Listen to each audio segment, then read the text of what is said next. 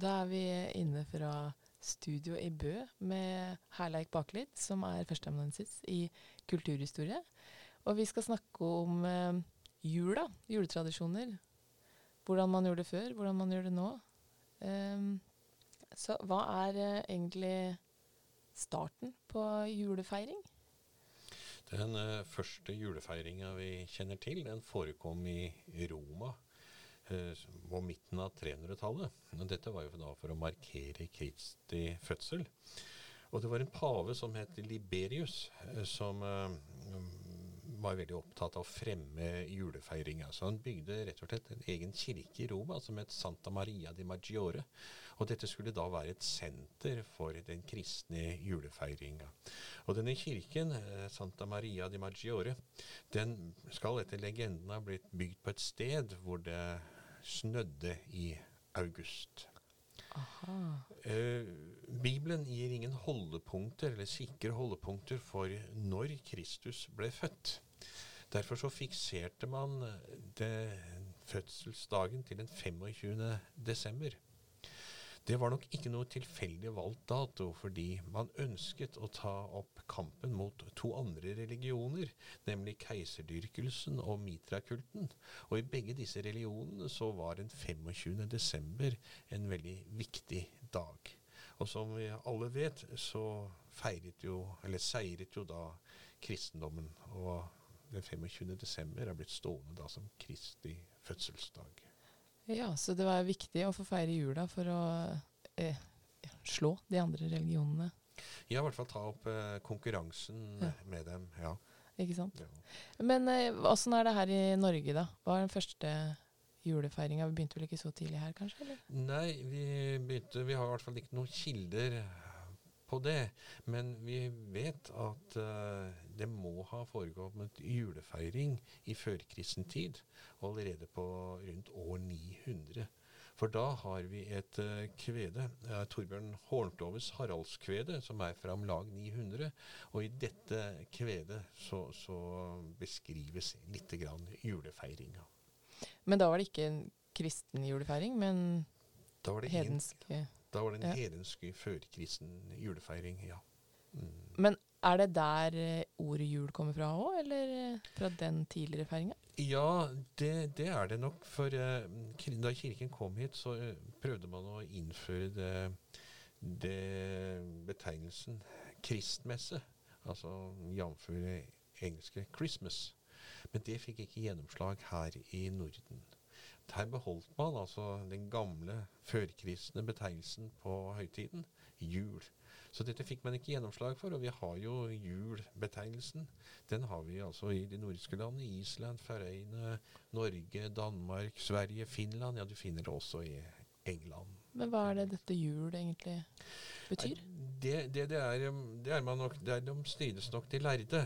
Men eh, jeg tror kanskje at dette kan henge sammen med at man i førkristen tid feira jul, og at det var en midtvinterfest.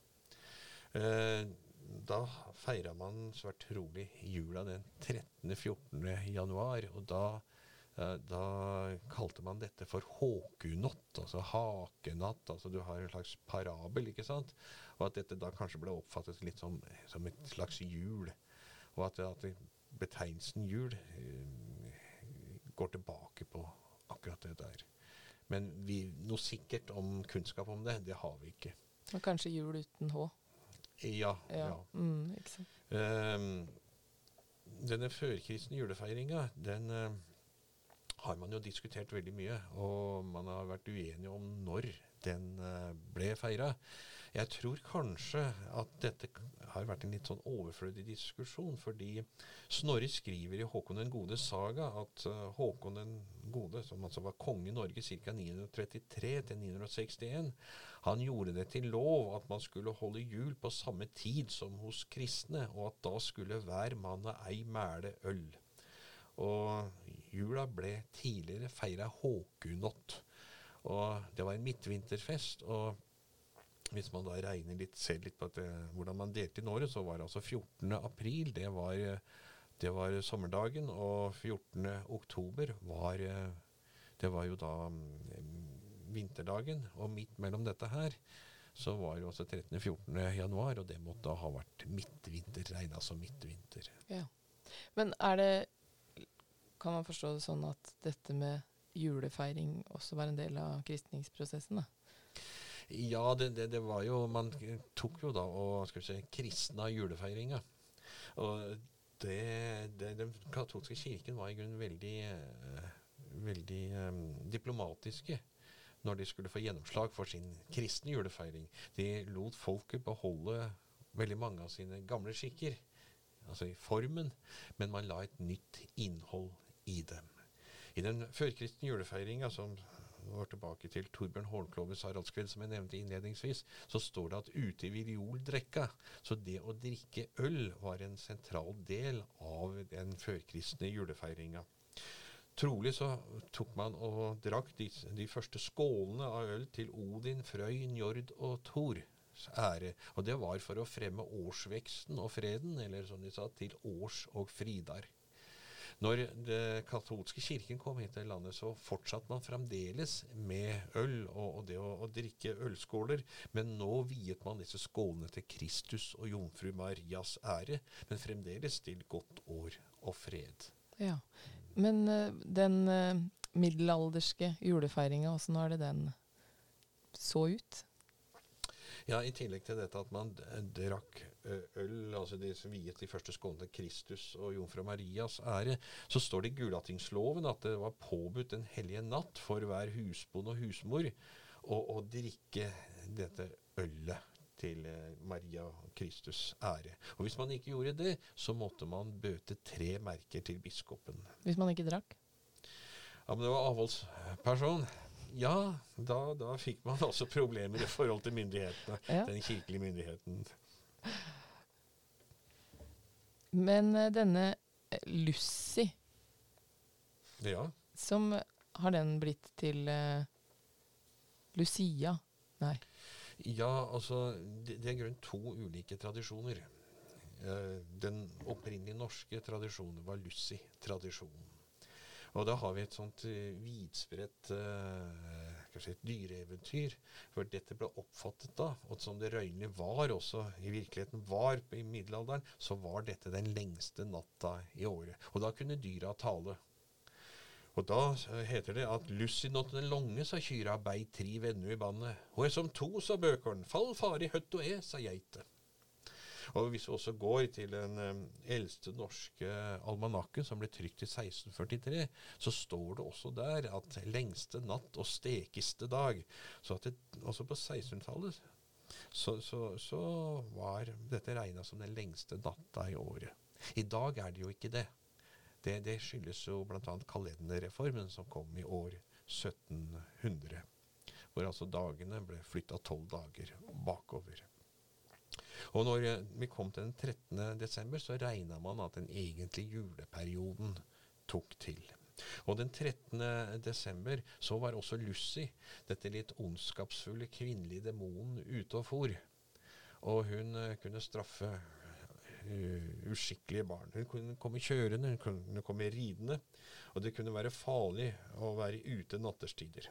Og hun, denne Lucy kunne krabbe ned i pipa, og så kunne hun da ta med seg de uskikkelige ungene.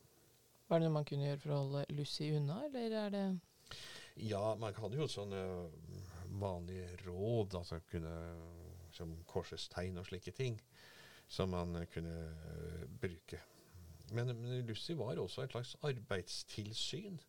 Og så etter at visse typer arbeid var gjort, og hvis ikke det var gjort, f.eks. Uh, storjulaften, som det heter fra Mandalskanten, så kunne hun altså straffe med å rive ned pipa og slå sund alt som var på skorsteinen. Så det var en måte å få folk til å gjøre jobben de var satt til? Ja, hun passa på normene, da. Mm. Så dette, dette, er en, eh, skal vi si, en eldre norsk tradisjon. Lussinatta. Den kunne også bli kalt for lussgørrskrøv enkelte steder. Og da gørr er jo et forsterkende adjektiv, og skrøv er jo et, uh, betyr jo mage, så det henspeiler vel på utseendet til dette litt ondskapsfulle kvinnedemonen. Hun var kanskje ikke akkurat noe skjønnhet der hun for rundt. Det er noe ganske annet enn eh, sånn jeg i hvert fall ser for meg Lucia. Dagens Ja, Lucia. det er en helt annen den. tradisjon. Det er en helt annen Ja. tradisjon. Den kommer til oss fra Sverige. Den ble kom, den begynte i Venern-området på begynnelsen av 1800-tallet, og kom til Norge på ja, rundt begynnelsen av 1900-tallet. Og det er jo en, eh, en veldig fin skikk, syns jeg. Det er kanskje et av de fineste øyeblikkene under arbeidsåret, når barnehagebarna fra barnehagen eh, vegg i vegg hos oss kommer gående i gangene. Det er et rørende øyeblikk når de kommer. Mm. Altså, men det, men det, dette er en annen, det er svensk kultur. Noe ganske annet enn den norske norske Lucia. Ja, Ja. ja, det er det. Men eh, videre, etter da 13. desember, hvordan forberedte man seg til jula? Hva måtte til for å bli klar? Det var jo en veldig travel periode, da, for, eh, ikke minst for kvinnfolka, men også for uh, mannfolka. Det skulle bakes, ikke sant? og nå bakte man og kling, flatbrød, kanskje noen omsbrød. Men uh, etter hvert så På 1800-tallet så får vi også Goro og Fattigmann kunne uh, bakes. Og, og smultringer kom til etter hvert. Men når man bakte nå, så brukte man annen type mjøl, altså finere type mjøl. Man eh, brukte ikke så mye havre, så man brukte til hverdags. Man brukte kanskje rug og så litt hvetemel. Uh, så man brukte altså finere emner i, i, uh, i bakinga enn det man ellers gjorde. Hva er dette med sju slag? Hva er det for slags antall? Ja, det sjutallet har jo en sånn halvt religiøst, halvt magisk betydning, så det har vel blitt en slags talemåte av eh, disse sju slagene. Og hvilke syv eh, eller sju kakeslag som går inn i disse her, det tror jeg er litt omdiskutert. Det tror jeg varierer litt. Ja. Ikke noe helt klar regel på denne. Nei. Hva annet måtte man forberede? Mat uh, måtte man ha? Ja, man måtte også ha ferskt kjøtt Ja. til jul, og da tok man og slakta en gris. Og kanskje en kalv i tillegg. Og da måtte man passe på å slakte når det var nymåne. For da skulle flesket bli feitere og drygere. Altså en, en voksende måne. Da skulle det gi mer, mer, bedre resultat. Så det var, var eh, veldig viktig. Og man avliva ikke dyrene så, på sånn veldig human måte. Man tok rett og slett og stakk dem til de blødde i hjel. ja. Var det noe annen juletidsslakting, eller var det sånn man holdt på? Det, det, det var, jeg tror ikke det var noe sånn spesiell juletidsslakting. Det var det, den gamle måten å, å Mm. slakte rett og slett på. Så gris har man holdt på med å spise til jul i Ja, Lange tider. griseholdet ble mer utbredt da på, på eh, 1800-tallet, og da kommer jo også disse her eh, kakeslagene som fattigmann og smultringer etter hvert. Også fordi da fikk man smult, som, som er fett fra innvollene på grisene. Og da ble også disse kakeslagene mer vanlige. Ja, og dette fettet ble kanskje lagd eh, lys og Ja, da Sånn brukte man talg, talg også fra dyrene. Man smelta talget, og så dyppa man en bomullstråd eller en lintråd ned i dette her, til man hadde fått den ønskelige størrelsen på lyset. Og da måtte man passe på at det ikke det ble, kom noen lyder eller når man støpte lyset, for hvis det gjorde det, så ville lyset komme til å sprake. Og så tok man da også og og støpte et lys som var større og grøvere enn de andre. Og det var det såkalte julelyset, og det skulle tennes julekvelden, og det skulle vare hele kvelden. Ja, så det var noen andre lys til jul, ja. Ja. Mm. Men eh, det, du nevnte jo det i stad med ølbrygging, at det var viktig å både brygge Ja. og drikke. Ja, Eh, og det har man fortsatt med. ja du, det er jo en ting som vi eh, fremdeles har, ikke sant. Det, det kan du få kjøpt veldig mye av i butikkene. Det er mange sånne mikrobryggerier som produserer øl i dag. Så dette ølet går jo tilbake til eh, til uh, førkristen tid. Og ølet i, i markering av høytider, det går jo igjen. Altså, vi har jo barsøl, vi har gravøl, det heter å drikke bryllup f.eks. Så øl har vært en viktig, ikke bare som, si, som russdrikk, men også som rituell drikk. Og hver mann lagde sitt eget øl, eller? Ja, de, på hver gård lagde jo sitt eget øl. Og da kunne man altså lage det av malt av bygg, dvs. Si spit og tørka bygg. Og så ble kanskje maltet dynka med breskelåg, og det skulle gi ølet bedre farge, og ikke minst skulle det gi ølet bedre styrke. Og så var det da om å gjøre når ølet skulle over på kagger. og man skulle fylle det over på noe annet, så, så hadde man gjerne noe som et slags eh, oppskoke eller et slags lag hvor man ba sammen folk på gården, eller kanskje naboer, også for man skulle ha en kvalitetsprøve på ølet. Veldig det, drikkepress. Ja, ja, det kan du kanskje si, ja. Det, det var det. Eh, og dette skjedde da den 21. desember, Thomas Bryggers dag. Og, og da var det om å gjøre da at eh, ølet skulle være sterkt. Det var kvaliteten ølet skulle være sterkt, og så måtte man ha masse øl. Og da kunne man si at ja, her har det nå vært langt til vann. Det spenner dette her. Og enkelte sier at ølet skulle være så sterkt at når den tredje prøvesmaka, så skulle den første begynne å synge. Såpass, ja. Ja.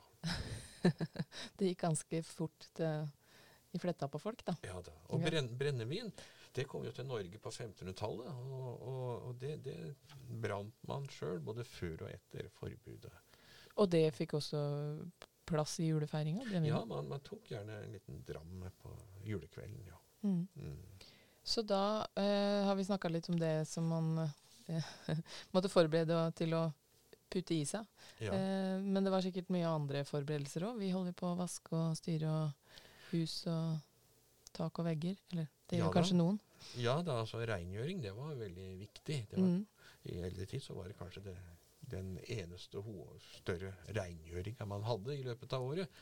Så da alt skulle være vaska til jul, vegger og gulv skulle skures, og trekopper og bord og benker skulle også rengjøres, og enkelte steder ble det også fortalt at man skulle gjøre peisen hvit.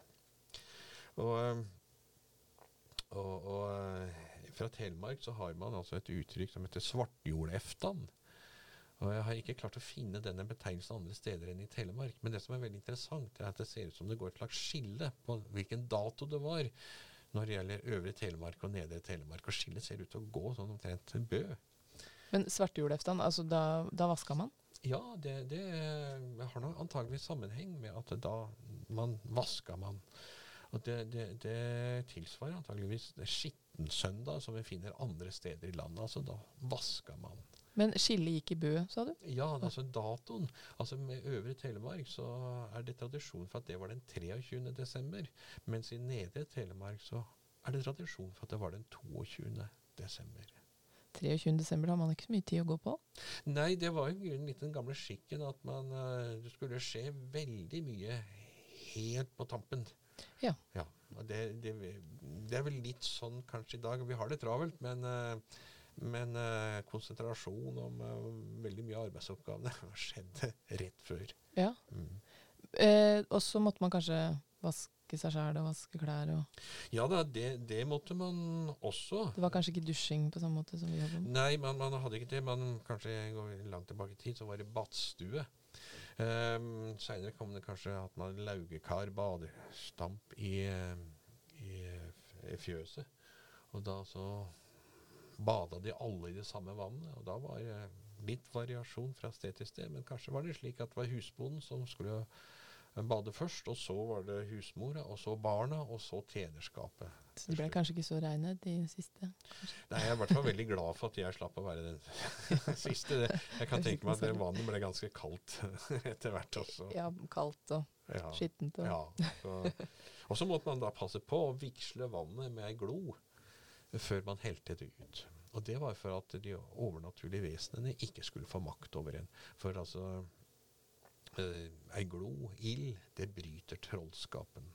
Og vi kan tenke oss at eh, etter vannet så lå det igjen litt hudrester og litt slik, og delen representerte helheten. Så det, hvis de fikk tak i litt sånne hudrester og sånt, så kunne man altså få makt, de overnaturlige vesenene få makt over en. Men det unngikk man da ved at man kasta ei glo. Det er ganske mye sånn overnaturlige tradisjoner rundt dette med jul, høres ut Ja som. da, ja da det, det er, eh, er Vi kan kanskje komme litt tilbake Mm. til det litt seinere. Men eh, ja, det med eh, forberedelser, for da, da var det vel kanskje sånn at man helst skulle få slappe av når jula kom, på samme måte som nå, eller er det Bare lurt på det med ja, å forberede mat og klær og Det var midtvinters. Ved og sånne ting. Er det viktig å få i hus før Ja, det, det, det var uh, viktig å få inn. Man skulle gjerne bære inn så, altså, flere hogg ved en juleotta. Eh, da, altså det vil si om tidlig, tidlig om morgenen julaften.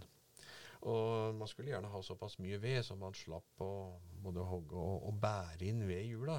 Kanskje var det ungene som bar inn veden og stabla den inn i huset. Var det lov å jobbe i jula?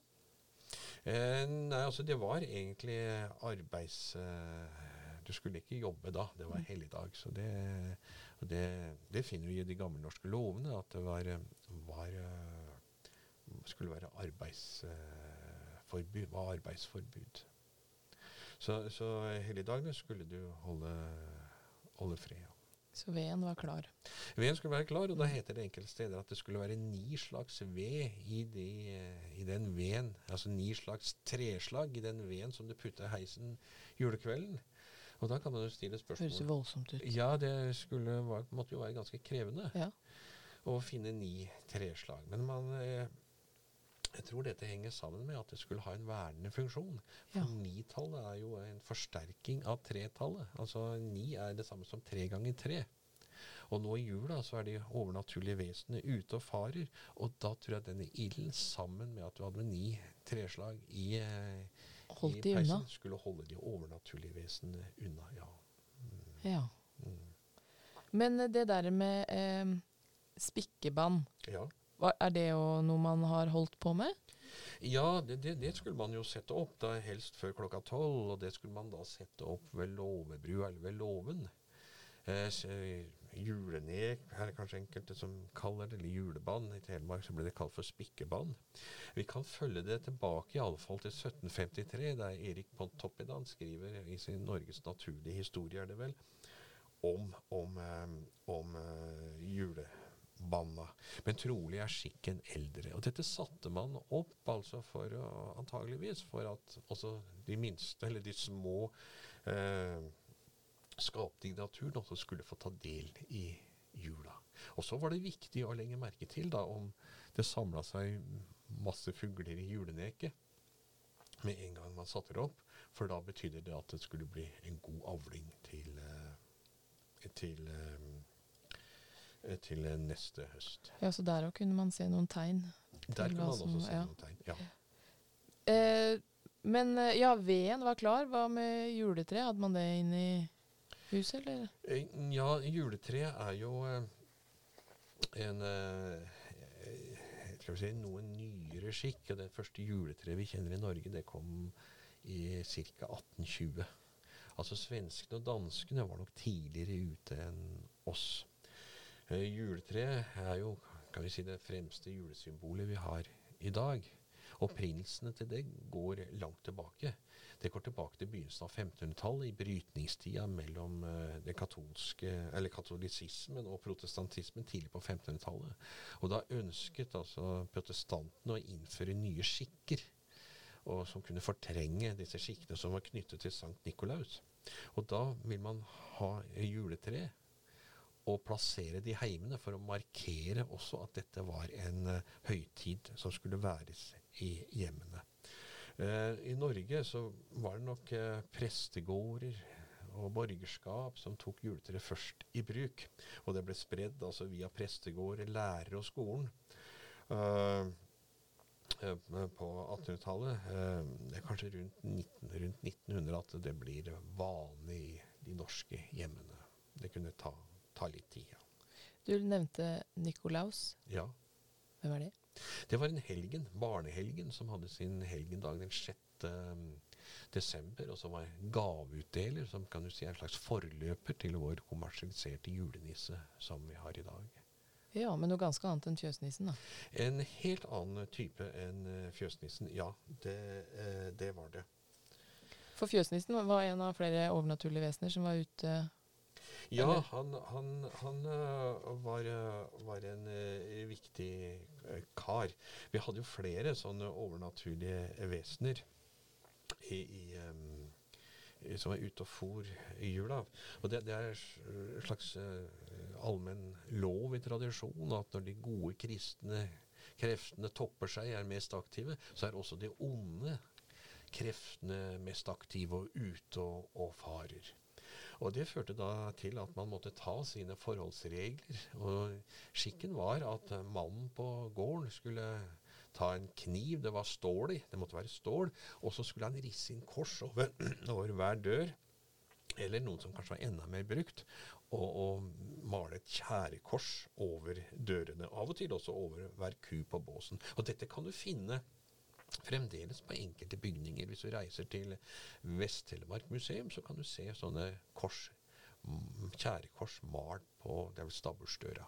Så for å holde disse overnaturlige vesenene ute? Ja, det er for å holde de overnaturlige vesenene ute. fordi det er slik at de kristne kreftene, som kors jo representerer, de er alltid sterkere enn de onde kreftene som er ute og farer. Så lenge man gjør det rette, så er man trygg? Da skal man være trygg. Ja, man skulle også kanskje skjære kors i, i øltappen og i sopelimskaftet. For eh, ellers så kunne trollkjerringene ri av gårde på sopelimen. For de sam ble samla seg i enkelte kirker i julekvelden klokka tolv. Så samla trollkjerringene seg enkelte, i enkelte kirker. Altså i Uvdal stavkirke øverst i Dommedal så fortelles det om en gutt som eh, gikk til kirken eh, julekvelden, og han ville gjerne få vite hvem det var som var trollkjerring i bygda. Og så for han da, eller klatra han opp i kirketårnet, og så så han ned gjennom hullet som klokkestrengen var i, og klok presis klokka tolv så kom trollkjerringen i bygda eh, farende inn. Og da får han sitt livs største sjokk. Jammen er jo mor her med, sa han. Oi, oi, oi. Oi, oi.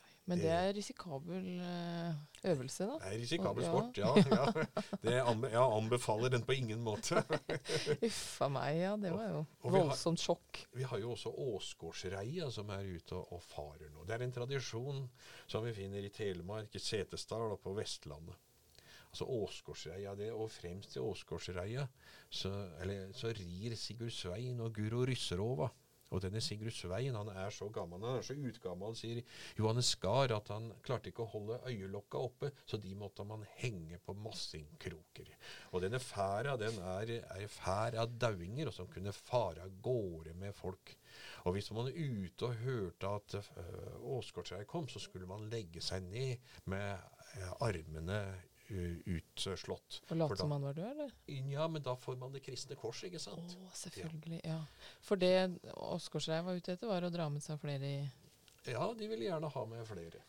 mm. Og, og, og eh, Johan og, og herr Ville, Hans Jakob Ville, han skriver i sin Sildejordsbeskrivelse fra 1786 at, at i denne Åsgårdsøya så fant han drukkenbolte, slagskjemper, visekveder og fine bedragere som ikke fortjente å komme til himmelen, men helst, som heller ikke hadde gjort så mye galt at de eh, havnet i helvete.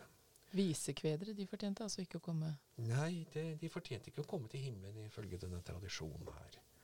Nei. Så man måtte kanskje være litt forsiktig med det, da.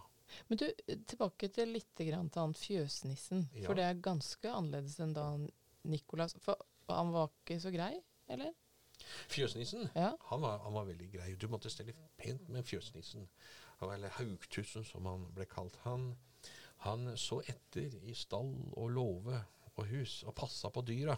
Og da var det om å gjøre å stelle seg godt med denne fjøsnissen. Og det er alltid slik i tradisjon at hvis du tar hensyn til overnaturlige vesenene, behandler de med verdighet og respekt, så hjelper de deg tilbake. Det er en sånn gjensidighetsforhold her.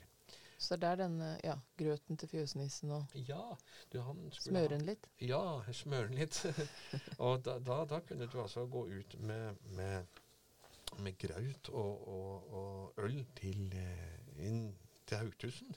Og jeg hadde en eh, lærer på, på universitetet som gjorde det så lenge han levde. Og han sa at så må vi aldri bli så rasjonelle at vi tror det er katten som har spist opp grauten, sa han. Aldri bli så rasjonell. Så det, dette var for å holde seg da, skal vi si, eh, holde et godt forhold til fjøsnissen, så han så etter, eh, etter dyret. Og det var en, en, en eh, gutt oppe i Ogndalen i Trøndelag som syntes det da grauten eh, frista veldig, så han kom til å ete opp grauten sjøl. Og da Haugtussen skjønte at det ikke ble noen graut på han den kvelden, og han skjønte hvem det var, så fikk han tak i tjenestegutten og kasta han sånn satt tvikrokete opp i stallgluggen, og der satt han hele juledagsnatta. Og om morgenen så var han mest klar, blir det sagt. Eh, så det gjelder å holde seg inne med denne ja, altså? Det gjelder å holde seg inne. Det er også en fortelling om en en eh, gutt eh, oppe i Numedal som også kom til å ete av grauten. og der, eh, Da han skulle til å legge seg, så tok det til å skake med en sånn det var reint grovt oppunder taket og nedad i senga. Herrens navn, sa gutten, herrens navn kan jeg si, sa det borti ei krå, og lå stort og rista og skog, verre og ikke bære. Jesu navn, sa gutten, men da ble det stilt. Oi, altså det hjalp å si da, Jesu, Jesu navn. Ja. ja. Da måtte han Da måtte han roe seg ned. Da måtte han roe seg ned. Og denne Haugtussen var jo, var jo eh, gråkledd, og han hadde rød topplue. Ja, hva er det røde topplua Hva er det for noe slags Jeg vet ikke om det, det var det som ble tillagt den, da, denne ja. røde mm. topplua. ja.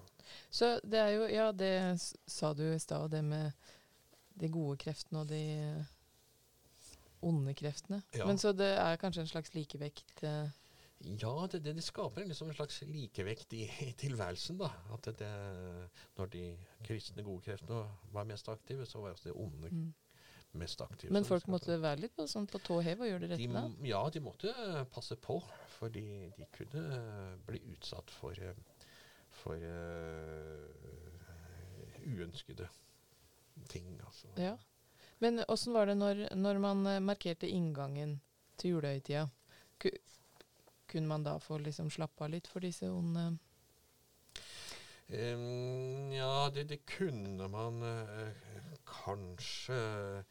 Nei, altså Det eneste var at man enkelte steder skaut inn jula, da. Og at dette skuddet foruten å, at man avfyrte et skudd ved huset, ved stallen og fjøset. At man, man, man, man, gjorde det for å markere inngang til jula. Men det kunne også hatt en dobbelteffekt ved at det holdt kruttet holdt i. Å, jeg skremte de, ja. Skremte de, ja. Men der de ikke Altså, ja, skyte inn jula, men det var kanskje noen steder det var kirkeklokkene som ringte også? Ja. Hadde de samme effekten, eller? Ja, kirkeklokken det, det, er nok ikke det i juletradisjonen, men vi vet jo at kirkeklokker kunne bli brukt for å prøve å ringe ut personer som var innsviken i berget. Men, men før, før, før, kirkeklokkene tok til å, å kime, og det var bada, så har jeg lyst til å nevne det at skikken var også at man gjerne skulle ha et nytt klesplagg til jul. Ja. Et eller annet nytt burde man ha. Og da kan det hete i tradisjonen at dersom man ikke hadde et nytt klesplagg, så kom julegeita og dreit den ut. Oi. Så her ser vi altså jo, Ja, det var best å ha et nytt klesplagg. Og her ser vi hvordan de overnaturlige vesenene opptrer som normvoktere. Altså mm. hvis vi bryter en norm, så, så, hevner de overnaturlige vesenene seg. Og dette er også et sånn generelt trekk i folketradisjonen. Denne julegeita, ja. hadde den noen annen rolle enn å passe på at folk hadde nye klær, eller? Ja, vi, vi finner vel fra oss også julegeita igjen i julebokgåinga. Ja. som vi kan, kanskje kan komme tilbake til. Mm. Mm.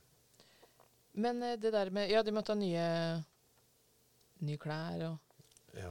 godt med mat og ved og ja. Det er jo samme som gjelder nå, for så vidt. Men uh, var det mye sånn julebord og gilder i forkant av jula, eller?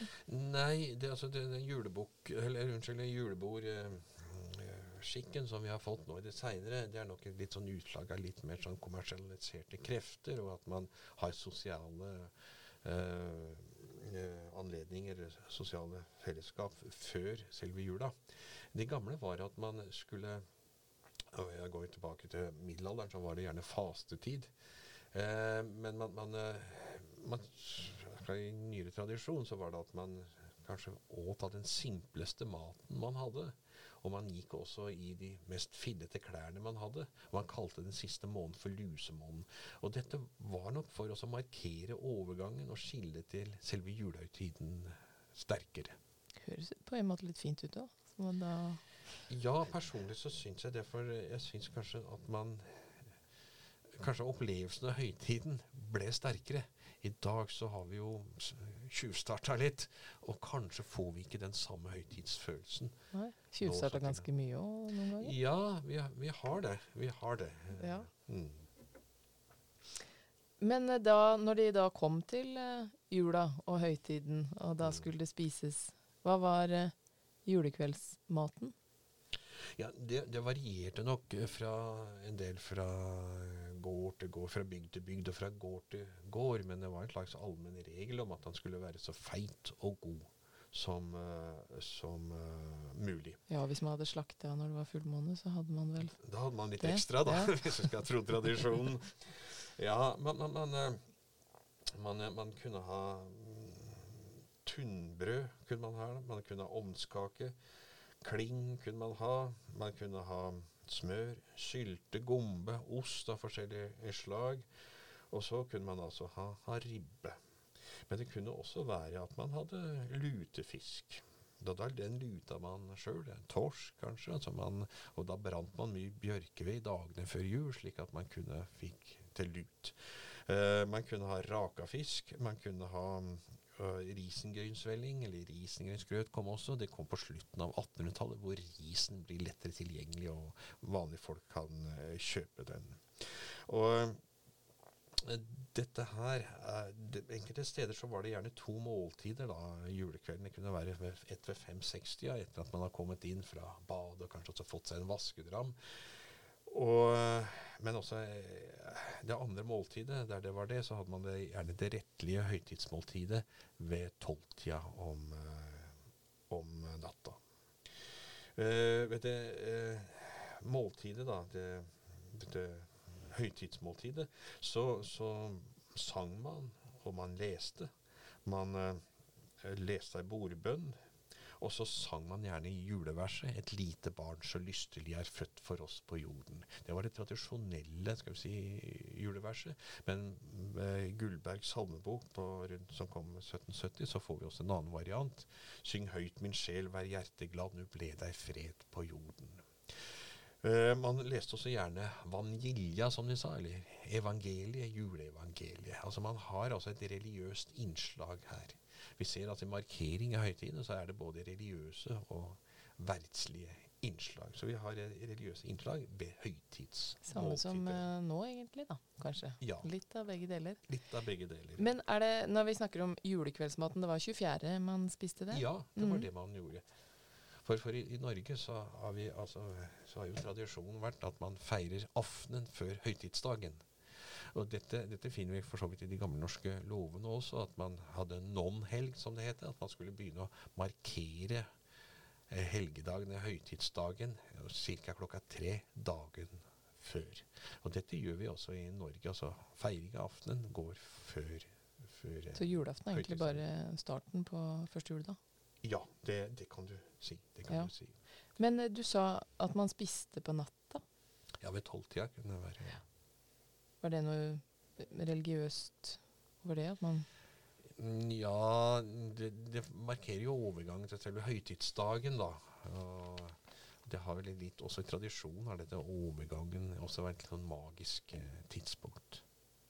Du nevnte noe i stad om at man kunne Ja, det var jo med han som kikka på mora si som var heks. Ja. Det var kanskje ikke helt det samme, men det med at det var en slags orakeltid når man var inne i jule... ja. Ja, altså dette her var jo altså Nå er maktene løs, og når maktene er løs, så kan man også få en gløtt inn i framtida. Og, og eh, det menneskene var interessert i, det var jo å få kunnskap om ting som var veldig viktig for dem, men som de ikke hadde full kontroll over. Det gjelder så avling, det gjelder fiske, kjærlighet og død. Så innenfor disse områdene så finner vi muligheter for å ta varsler for framtida. Eh, man kunne første Altså man eh, natt, julenatt, da, så lå man eh, kanskje et samseng på, på gulvet i halmen. Enkelte steder lå man nakne. I Telemark så gjorde man ikke det. Der hadde man klær på seg. fordi hvis man ikke hadde det, så ville man bli tvunget til å gå tilbake til fødestedet sitt julenatt. Eh, dette gjorde man da for at de døde kom tilbake julenatta. Ja. Eh, så så eh, da kunne, hadde man halm på gulvet, og så kunne man da under julebordet se om man fant noe korn. Fant man margfulle korn under eh, julebordet eh, julemorgenen, så betydde det at det skulle bli god avling, kornhøst. Fant man tomme korn, ja, så betydde det at det skulle bli et svært dårlig kornhøst. Ja, så var det det med spikkebanden, da. Som spikkebånd, sa du ikke det at hvis det ble spist mye Ja, altså hvis fuglene samla seg der eh, når man satte det opp, så betydde det også at det skulle bli god avling. Eh, vi har jo et kjent uttrykk, ikke sant, hvis ikke alle julemerker slår feil. Og det er faktisk eh, noe som går tilbake til en, måte, en varselmåte. Altså man tok varsla slik været var i juledagene, slik skulle det bli det kommende året. Det vil si at slik været var første juledag, slik skulle det bli i januar. Slik været var andre juledag, skulle det bli i februar osv. Og så markerte Ja. man dette kanskje på beten eller denne her um, bjelken i stua, kanskje med, med kritt. Og det var julemerker. Så hvis ikke alle julemerker slår feil, det er en kobling. Det er morsomt. Det er et uttrykk jeg dette er- kjenner til. det- Dette har jeg- kunnet følge tilbake til, eh, til høymiddelalderen. Ja. Så dette er et gammelt, eh, gammelt altså. Men var dette her eh, denne orakeltiden, eller eh, Hvor lenge varte den? Ja, det er nok eh, særlig julenatta som er Ja. viktig. Mm. da. Det, det er den, eh, Mm. den hellige natt. Og, Og hva dreiv man med på første juledag? Ja, man, man, øh, man øh, var jo Tok det med ro, da. Det Ja. var hellig Mm. Og man uh, skulle være hjemme. Man kunne, men man, skulle man bort, så skulle man til kirken. Til høytidsgudstjeneste. Oh ja, men man måtte ikke, eller var ikke forventet at man skulle til kirken? Jo, det var i grunnen regel, men det var steder der det ikke altså I, i, i Prestegjeld var det kanskje noen annekskirker, og der, der var det gudstjeneste hovedkirke, og så var det da i annekskirkene kanskje annen dag. Og man oh, ja. skulle, ikke, skulle ikke gå bort eh, første dag, fordi da da sneik man til, seg til mat kanskje, og ble kalt for juledagspetter. Så, så, og, og vi har også i Telemark så, så var dette at man også satt uh, kanskje oppe julenatta, hele julenatta gjennom en slags rest av den katolske skikken med vigilietradisjon, at man skulle våke natta til den store høytidsdagen. Ja. Men nå er det jo sånn eh, Nå er, er det vel flere som reiser i kirken på julaften enn det er eh, Men det drev man ikke med. Nei, det, det er nok et nyere innslag at man hadde gudstjeneste i kirkene eh, julaften. Det, det mener jeg husker at kom, ble praktisert på mitt hjemsted. Det kom mens jeg var ungdom, mener jeg husker. Ja, så, Så det er så, såpass nytt. Um, ja, i hvert fall der, da. Ja, Mm. der. Men da var det sånn at ja, første juledag, da holdt man seg hjemme. Da holdt, skulle man holde seg hjemme. Men man hjemme. kunne ut blant folk eh, andre juledag, eller? Det kunne man gjøre. Men eh, hvis vi ikke helt forlater dette med, med orakeltid, så har Mm. vi også en del, del eh, varsler, eller eh, ta, mm, få en gløtt inn i framtida når det gjaldt hvem man skulle bli gift med, Ja. eksempel. Og da skulle man eh, ta når de andre hadde eh, satt seg til bords, så skulle man ta ei kake i handa. Han skulle gå ut, og så skulle han ta ei kake i handa. Så skulle han gå baklengs rundt huset tre ganger. Og så samtidig så skulle man lese Fader vår baklengs. Og når man da kom til døra tredje gangen, så skulle man møte den man skulle bli gift med.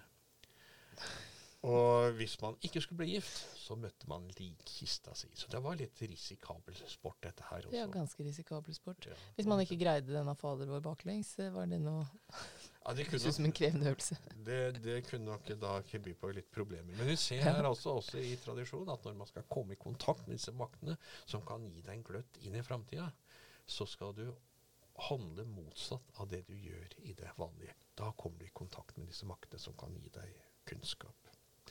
Og Det er også noe som heter å, å kle hjulstolen. Og Da skulle man ta en kubbestol og så skulle man sette den i høysetet, og så skulle man kle på kubbestolen de klærne, kirkeklærne som man skulle bruke dagen etter. Og det måtte ikke, mm, det måtte ikke mangle så mye som ei, ei knappenål.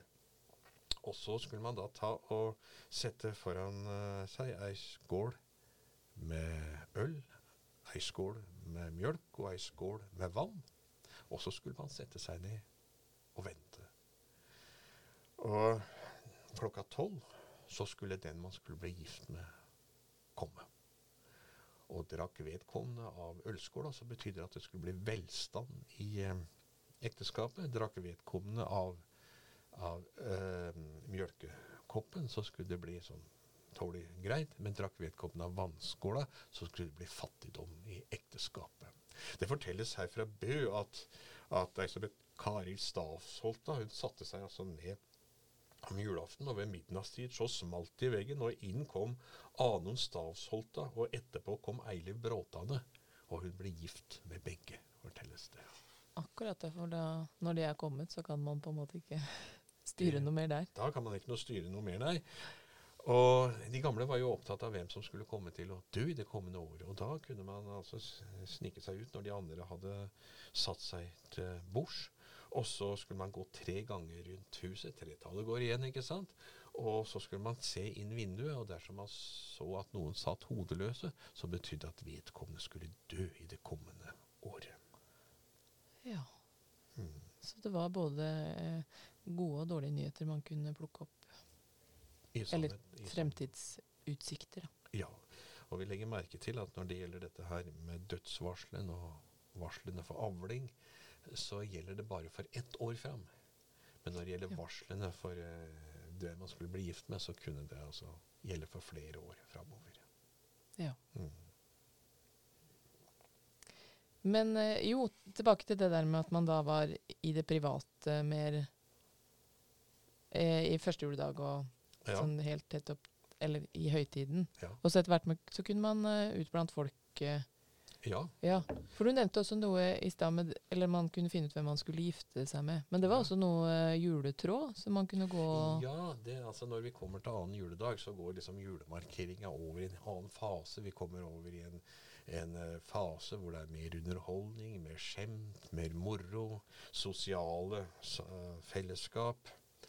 Og og man kunne gå, gå, rundt. Nå kunne man få lov til å gå rundt fra gård til gård. Og en, eh, en, vi si, en slags eh, en skikk i det man vi vil kalle romjula, det som man jo kalte tradisjon for eh, klavehelga, det var at ugifte jenter kunne lage juletråd, eller tråddokker, som de da hadde. Flere stykker.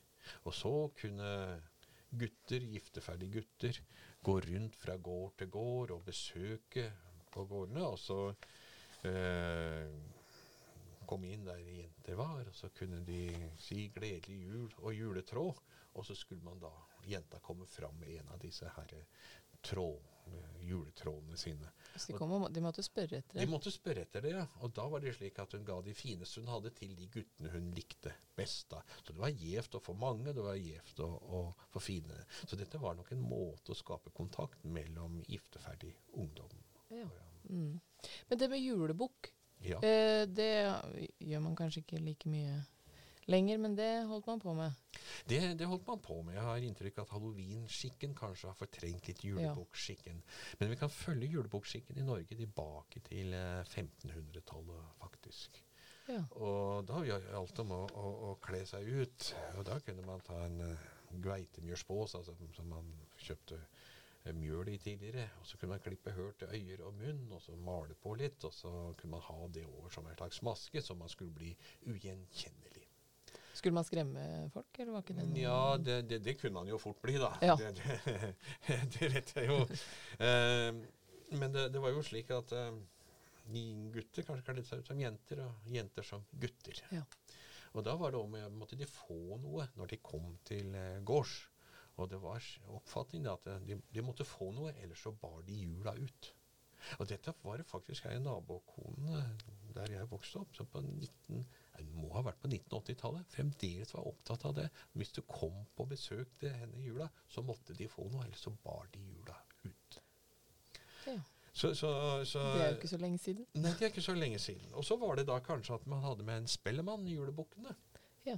Og så samles de på en gård der det kanskje var et stort rom, og så kunne de ha dans helt til slutt. Og det var gjevt å få besøk av julebukkene, for de trodde det det fulgte lykke med dem. Altså Opphavet til disse julebukkene har vært mye omdiskutert, og man er usikre på det. Men i denne tida, skal den siste tida, så har det vært for at julebukkene skulle skape glede og moro og underholdning. Ja. Men eh, det, man kunne også kle seg ut som julegeit, sa du det? ja, det var, det var, en del av den julebukkgåinga, ja. ja. Mm. Eller som en eh, stjernegutt. En stjernegutt, ja, det er, en, det er jo en tradisjon som er knyttet seg litt til bymiljøene. Og det har sitt opphav i kirkelige spill i kat katolisismen. Hvor man altså hadde ei stor stjerne, og så kledde man seg ut som de bibelske personene. Josef, Maria osv. Uh, senere ble jo dette uh, ikke tillatt uh, når vi fikk reformasjon, og så tok latinskolene denne tradisjonen opp. og det da gikk elevene rundt, ikke sant, og så sang de, og så var det en inntektskilde. Så ble det også forbudt der, og så ble, ble dette da vanlig blant uh, ungdom flest. Men dette er i grunnen et, et, et byfenomen, disse stjerneguttene. Og reiser du til Kulturhistorisk museum i Bergen, så mener jeg at de har et sånt stjerneutstilt der. Ja. Mm. Når var det jula var over? Ja, der er tradisjonen liksom opererer med to eh, tidspunkt. Da. Det ene er 13. Eh, dag, og det andre er 20. dag. Eh, 13. dag, altså det er jo 6. januar. Og i tradisjonen kalt eh, Hellig tre kongers dag eller Den gamle juledagen. De gamle de snakka også om den gamle julaften, som var den 5. januar. Og dette trenger jo en litt forklaring, da, ja. for dette henger sammen med det kalenderskiftet som vi hadde i Danmark-Norge i år 1700, ja. da vi forlot den uh, julianske kalenderen og gikk over til den gregorianske kalenderen. Det foregikk på den måten at man i år 1700 lot 17. februar etterfølges av 1. mars. Ja, for det skulle gå opp? For det skulle gå opp, ja. ja. Og dermed så ble da, dagene skjøvet tolv dager tilbake. Og de, er det noe vi mennesker har problemer med, så er det kanskje å tilpasse oss nye ting. Og derfor så var det mange som holdt fast ved den gamle stilen, som de kanskje kalte det, og den gamle tidsregninga. Og derfor så sa de at den 5. januar var den gamle julaften, og den 6. januar var den gamle juledagen. Og dette var altså hellig tre kongers dag. Da hadde man kanskje et trearma lys som man tente. Og Landstad skriver om dette her at uh, denne dagen den eh, 13. dag jul, altså 6. januar, nu helligtre kongers dag, var de gamles fornemste høytidsdag i julen. I alle fall i disse egne, skriver han. Og dette er også dag som Olav Åstesson, eller Olav Oknesson, som han vel egentlig het, våkner opp av sin lange, ekstatiske søvn som han falt i julaften. Ja, men så da, Det er forklaringen på 13. dag jul, men hva med denne 20. 20. dag jul? Ja, eh, det er også noen som da mener at dette er eh, slutten på jul, altså 13. januar. Eh, altså Min lærer Olav Bø han mener kanskje at den 20. dag jul er det eldste. At jula slutta det, det eldste draget tradisjon, at det 13. dag har tilkommet seinere. Og da hadde man kanskje med sånn kollektiv eh, markering av at jula var slutt. Da kunne man kanskje reise rundt fra gård til gård. Så hadde man med meg sopelime, og så sopa man rundt veggene for liksom å symbolisere at man sopa ut jula. Ut jula. Og da, da, var kong Knut jager jula ut og ete opp resten som er til over. Så man skulle hatt, ha igjen av julematen til da. Men det høres ut som eh, ting er Eller det er vel fortsatt noen som holder på den tradisjonen med 13. dag jul eller 20. dag jul, men vi begynner tidligere og slutter tidligere, kanskje? Ja, det, det ser ut til å være en tendens, uh, syns jeg merker, at uh, julemarkeringa starter tidligere. Vi får jo julemarsipan i butikkene allerede i oktober. Vi mm. har disse julebordene. Jeg vet at også enkelte um, pynter juletreet allerede første søndag i advent. Og det er også enkelte som kaster ut juletreet kanskje ved nyttår. Mm. Og vi ser kanskje at tyngdepunktet av markering av jula har begynt å flytte seg mer mot uh, liksom uh, ja, altså Førjulstid har blitt viktigere i markeringa av jula enn det var tidligere. Ja, For én ting vi ikke har snakka om, ja. er jo egentlig den adventstida. Ja. Den er jo veldig viktig nå. Den er jo viktig, men det er også for så vidt et nyere drag. Men eh, ja, det er etter, etterkrigstid, eh, altså blant AFC at Så det har opp. Ja. Mm. Og jeg mener at det var også på 1960-tallet at man begynte med adventskranser og slike ting, hvor det ble vanlig, da. Mm. Ja, var, vi kan nok følge det litt lenger tilbake, men at det ble vanlig. Ja. Men åssen er det med disse julegavene? Ja, julegavene eh, altså vi, vi, finner jo eksempler på julegaver langt tilbake. Vi finner det i sagamaterialet at eh, en overordnet gir gaver til sin underordnet. Eh, men julegaver kan vi si, mer i den formen vi har i dag, det er et fenomen som oppstår på 1800-tallet. Vi finner blant høyere sosiale lag, hvor de ga kanskje noen klær og noen leiker, noen nytteting. Eh, på prestefamilier, på prestegårder. Men uh, blant bondebefolkningen så tok det nok litt tid. Altså, jeg hadde en informant som snakka om at kanskje fikk litt appelsin, og da er vi på 1920-tallet. Ja.